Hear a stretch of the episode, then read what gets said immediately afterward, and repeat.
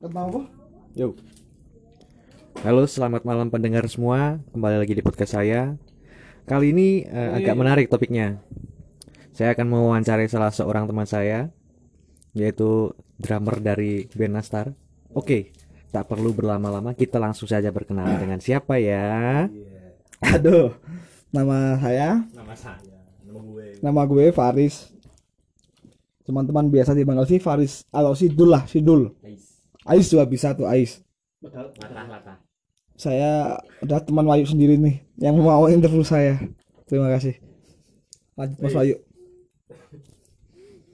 Oke, langsung saja ke pertanyaan pertama.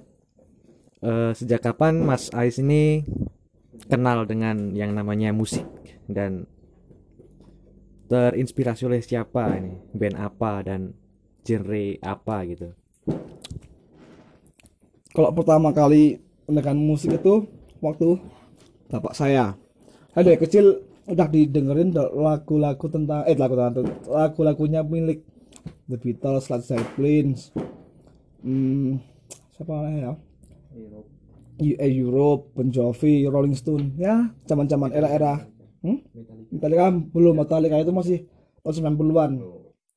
Masih masih zaman-zamannya rock rock zaman dulu itu, Guns N' Roses dan lain sebagainya dan kalau saya pribadi sendiri terinspirasi untuk bermusik itu ketika saya melihat salah satu band Indonesia sendiri sih namanya Raja.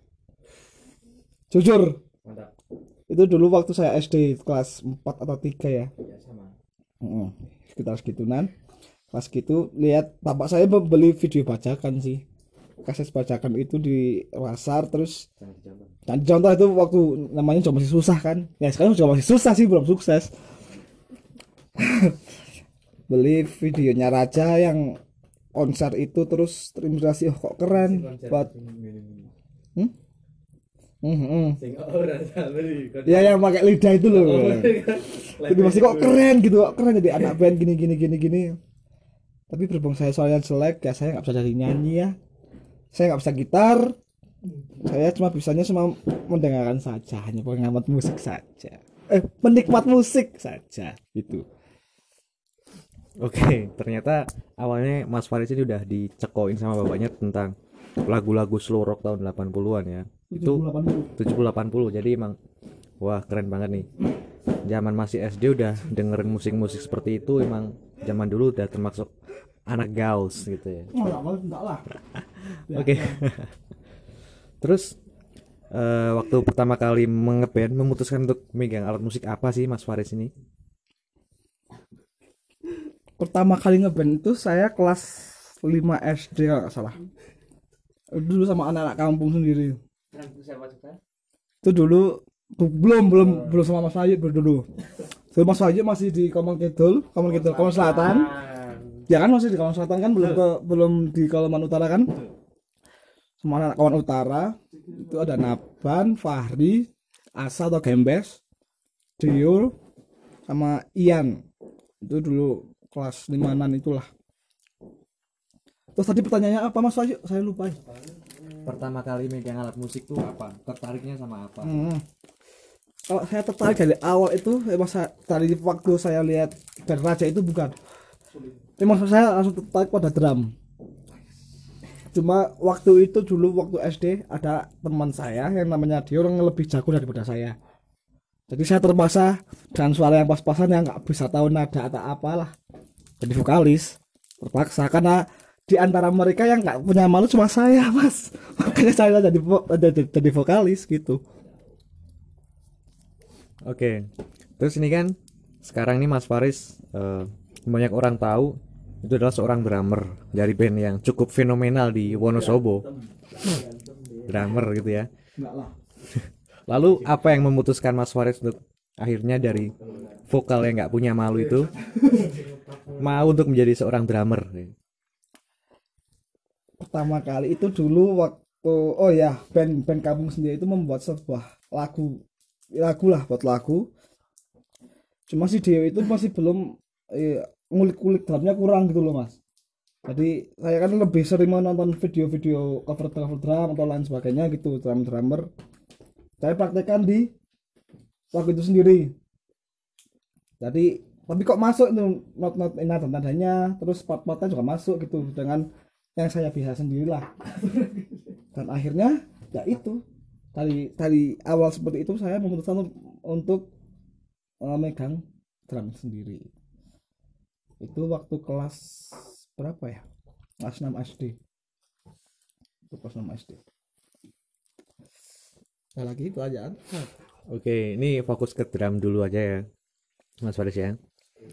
Eh, setelah memutuskan untuk tertarik dengan drum,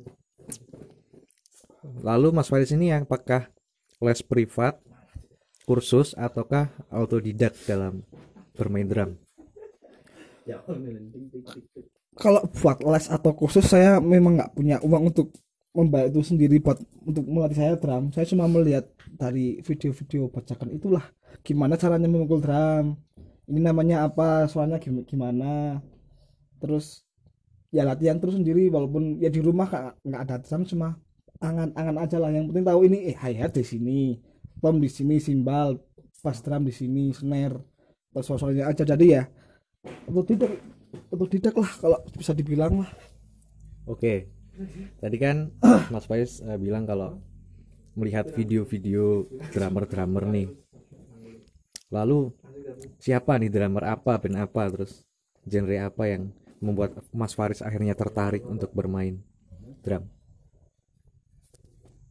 ya kalau pertama kali atau yang sekarang Yang pertama kali dong Mas. pertama kali itu gambarnya Raja saya lupa namanya siapa itu namanya Seno Seno Raja dulu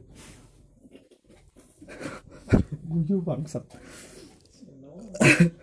itu pertama kali yang memutuskan oh saya minat di drum tapi kalau saya pribadi sendiri sekarang kalau lihat drummer itu kalau luar atau dalam Mm. itu, so- Seno sendiri itu yang pertama kali membuat saya untuk menggugah selera saya untuk menjadi drummer Oke. Lalu untuk eh, kelanjutannya kan Mas Faris sudah menentukan sendiri untuk bermain drum nih. Eh, pernah nggak menyempatkan diri atau membuat sebuah band yang pernah tampil di acara-acara tertentu gitu? itu pernah mas. Pertama kali konser. bukan konser sih. Itu cuma manggung biasa. Di pensi SMP dulu. Udah SMP sekarang. Mm-mm, udah SMP itu saya yang udah mulai maksudnya udah mulai lemes. Kalau orang Jawa bilang lemes.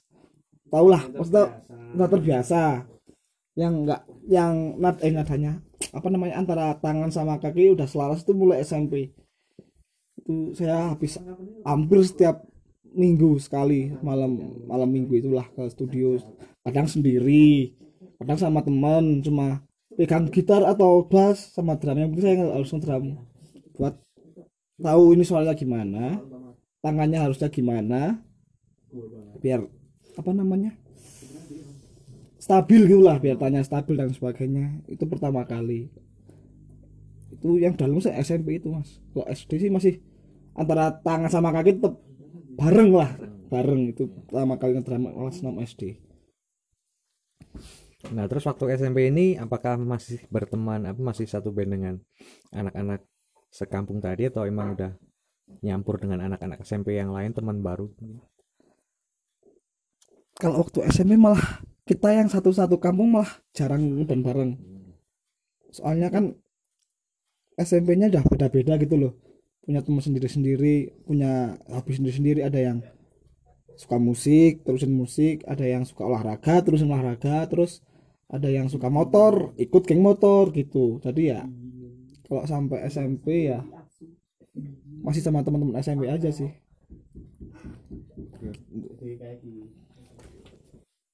Eh sebenarnya kan Mas Faris ini kan cukup terkenal ya di Wonosobo enggak ini lah sebagai seorang drummer gitu. enggak enggak enggak sangat-sangat Nah, dan orang-orang juga banyak yang tahu bahwa Mas Faris ini drummer salah satu band fenomenal seperti yang udah saya bilang tadi yaitu Nastar. Nah, ini langsung saja ya awal terbentuknya Nastar, proses rekaman, terus membuat lagu itu gimana Mas Faris? Kalau yang pertama kali buat master itu waktu SMA itu SMA kelas 2 kalau nggak salah tahun 2012 pertengahan atau 11 akhir ya. Saya lupa tahunnya lupa. Ah saya lupa pertanyaannya mas. Sama saya juga lupa. Ini pertama itu terus apa lagi ya tadi ya? Bikin lagu. Eh, bikin lagu bikin lagu itu sih waktu SMP itu zaman si gitaris saya sendiri gitaris Nastar. Satu band dulu sebelum ada Nastar sih. Apa itu? Itu Trika Trika. Oh Mm-mm. itu lalu SMP buat lagu terus ada band namanya Scoopis pemeran Nastar. Itu ada Kiki, ada Kiki. Berhubung ada konflik antara saya Trika sama Kiki terus saya sama Trika memutuskan untuk membuat band lagi. Yang lebih yang satu pemikiran gitu loh yang saya maunya ya, kayak gini gitu loh. Terus jadilah satu, satu Nastar itu sendiri sih. Gitu. Terus lagunya ini sempat direkam kan tentunya ya sempat. Itu gimana nih prosesnya nih? Eh wah gila kalau pertama kali ngerekam itu sih grogi yang jelas. Grogi. Mm-mm. sekarang kalau drummer otodidak saya salahnya dulu latihannya itu nggak latihan tempo dulu. Jadi ada sebuah lag- ada lagu dicari drumnya langsung. Jadi temponya amburadul gitulah. Yang yang penting tahu ketuanya gimana. Cuma temponya beat apa amburadul. Waktu pertama ya saya grogi jelas. Saya malamnya nggak bisa tidur. Waduh. Halo, nenang mama. Ya gimana lagi coba? Nggak bisa tahu tempo. Nanti kalau saya kan dibilang sama eh, teman saya sendiri tem- teman yang lebih tua lah lebih pengalaman yang pernah rekaman punya album sendiri. Itu namanya Dennis. Itu udah tua sih. Kalau sama saya 10 tahun lebih tua lah 10 tahun lebih tua. Bilang katanya kalau operator rekaman tuh galak-galak. Kalau salah sedikit temponya nggak pas aja langsung dimarahin atau gimana. Saya yang jelas takut. Sedangkan saya masih cupu lah belum ada apa-apanya sih sama drummer-drummer yang lainnya grogi terus waktu rekaman ya untung sendiri untung aja sih operatornya baik mau ngajarin gini-gini ini enaknya dikasih kayak gini temponya gini-gini ya enaknya kan dulu masih midi belum belum tag drum langsung gitu loh sebentar ada adzan pak berhenti dulu haus Gak usah diedit jadi terus arah apa sih di pakai sih lanjut. Sampai mana tadi ya mas? Sampai proses rekaman. Oh pas rekaman grogi udah belum tadi? Nggak bisa tidur. Masa tidur. Oh untung itu untung operatornya baik hati. Dan kalau di kota saya sendiri terutama Surabaya dulu belum ada yang tag drum langsung. Ya ada cuma mahal tapi kan kita kan cuma budget anak SMA lah. Cuma bisa buat yang midi jadi ya drumnya digambar pakai midi tapi ya lumayan sih hasilnya nggak mengecewakan nggak mengecewakan juga Oke. Jadi setelah proses band Nastar terbentuk, punya lagu sendiri, akhirnya direkam, direkod. Nah, setelah lagu ini selesai, gimana nih perasaannya? Dan juga respon dari masyarakat eh, yang dengerin itu gimana nih? Kan kalau nggak salah tuh sempat masuk ke radio ya. Salah satu radio terkenal di Wonosobo. Waduh, enggak lah. Eh, lagu jadi tuh wah, rasanya tuh wah gila men. Gue punya, punya punya lagu, punya lagu sendiri. Hasilnya kayak gini walaupun hasilnya masih jauh jauh sama yang lainnya lah. Intinya kan kita udah bangga sendiri loh, punya sebuah lagu tuh sebuah kebanggaan tersendiri. Kalau respon dari masyarakat sih kalau awal-awal yang tahu ya cuma itu apa namanya teman-teman sendiri gitu. Nggak tahu hal- has artinya itu gimana nggak tahu cuma ya menghargai apa yang temannya punya gitu. Yang awal-awal. Oke, jadi sempat punya lagu dan udah selesai dan respon masyarakat cukup baik ya menghargai karyanya Mas Faris dan Ben Nastar. Terus waktu perform sempat nggak nih eh, di perform perform setelah rekaman ini lagu Nastar ini dibawakan atau ditampilkan? pernah lah itu pasti pernah lah. Dulu waktu waktu di Wonosobo itu masih banyak acara. Apalagi kalau hampir setiap minggu tuh ada acara kayak Sunday morning itu ada band juga. Terus ada yang ah apa ya kronis kronis itu waktunya zaman zaman metal zaman zaman reggae itu banyak tapi kalau Nasar sendiri lebih memilih yang di Wonosobo eh Wonosobo Sunday morning itu sendiri. Karena ya kalau di reggae juga nggak masuk sama genrenya. Yang di kronis yang death metal habis juga nggak masuk. Jadi ya paling di Sunday morning itu dibawain juga sama ngever-ngever lagu yang lain. Ya, apalagi yang mau ditanya ini? Oh ya, kan eh, lagu pertama selesai nih direkod. Terus lagu kedua, kalau nggak salah kan ada enam lagu ya, atau lima ya, enam ya, enam atau tujuh sampai Tujuh sekarang. sama yang cover itu cover lagunya Reza Oh ya, tujuh. Jadi lagu kedua ini gimana nih? Semangatnya, feel-nya apakah masih sama seperti awal pertama kali rekaman atau emang udah mengalir begitu saja nih?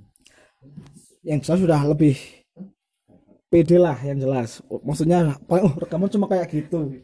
Cuma digambar drumnya gini gini isi isi gitar bass dan sebagainya. Yang saya yang lain lebih pede lebih mateng kita ngerjainnya.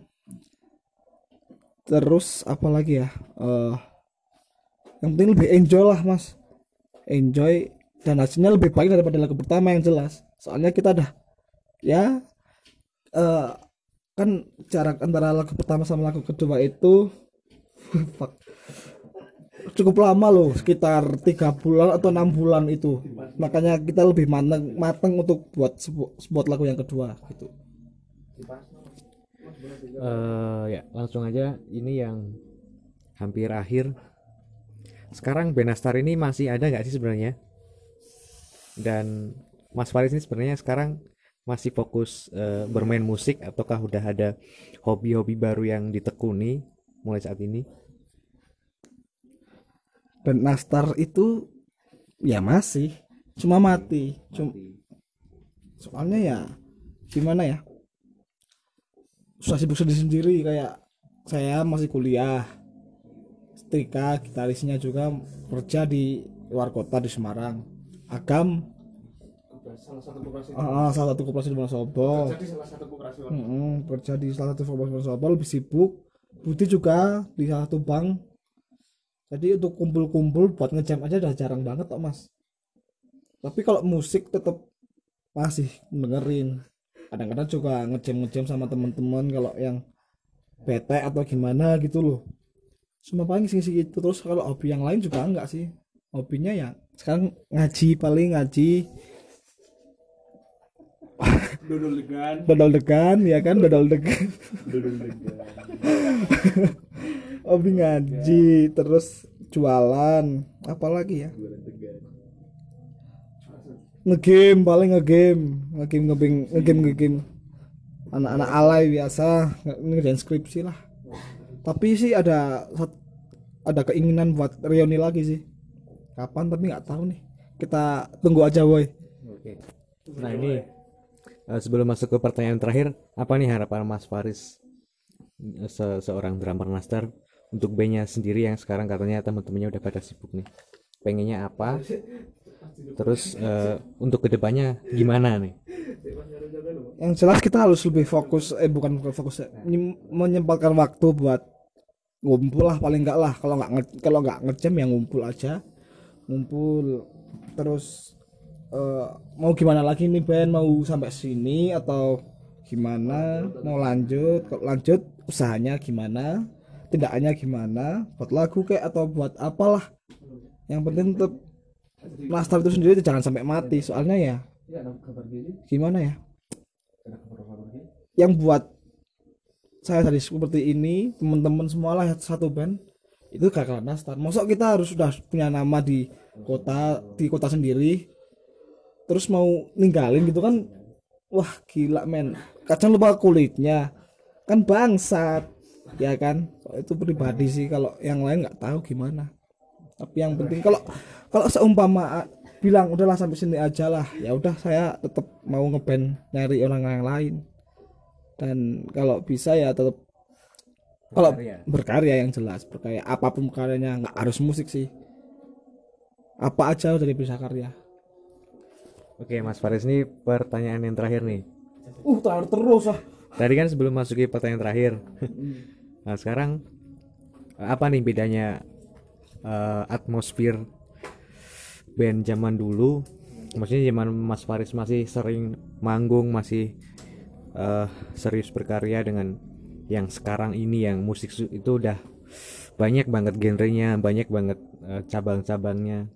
Perbedaannya apa nih? Dulu dengan sekarang. di Wonosobo sendiri atau di Indonesia? Di coba? Oh, di Wonosobo dulu aja ya. Kalau di Wonosobo atmosfernya itu udah kurang men. Men men. Man. man. Udah kurang banget. Soalnya ya gimana ya regenerasi anak-anaknya juga jarang. Sekarang kalau anak dulu kalau zaman zaman SMA kalau zaman zaman gue SMA tuh satu satu sekolah satu SMA aja band lebih dari 10 per per sekolah per SMA di Wonosobo. Ya minimal lima lah minimal lima. Mesti ada pasti ada lima. Minimal lima. Kalau zaman sekarang satu aja. Jarang men. Men lagi men. Man. man jarang man. Jarang banget. Jadinya atmosfernya tuh udah beda lah. Ya harapannya sih masalahnya gini loh kalau musik semua orang pasti kan mendengarkan. Pasti. pasti. Tapi kalau kita gini kalau saya umpama seumpama gue dengerin lagu ungu. Terus tapi nggak cuma dengerin aja ungu berkarya berkarya terus. Terus kan umur tambah tua. Ya kan? Kalau nggak ada generasinya yang kayak ungu otomatis anak cucu kita mau dengerin apa? Dengerin ungu. Sedangkan ungu nggak pernah manggung umpamanya. Udah udah tua tua ada ada yang maaf ya apa namanya nggak ada atau gimana gitu kan anak cucu kita mau dengerin siapa kalau ada generasinya ya kan Oke. pikir aja man, man bro Ya, itu tadi ya eh, beberapa eh, obrolan singkat kita dengan Mas Faris Nastar, drummer Nastar yang udah mengungkapkan apa isi hatinya. Aduh. Oke, Man. Cukup sekian dulu ya untuk eh, wawancaranya. Mungkin besok atau kapan kita bisa lanjut lagi sama Mas Faris tentang eh, perkembangan Nastar ataupun dia pribadi se- sebagai musisi muda Wonosobo. sisi muda Oke, jadi gitu aja man. Lah man mending. Fason Gitu dulu ya man. Eh man. gitu dulu ya bro. Untuk eh, podcast saya kali ini. Eh, tetap dengarkan podcast saya selanjutnya yang akan datang. Keep speaking.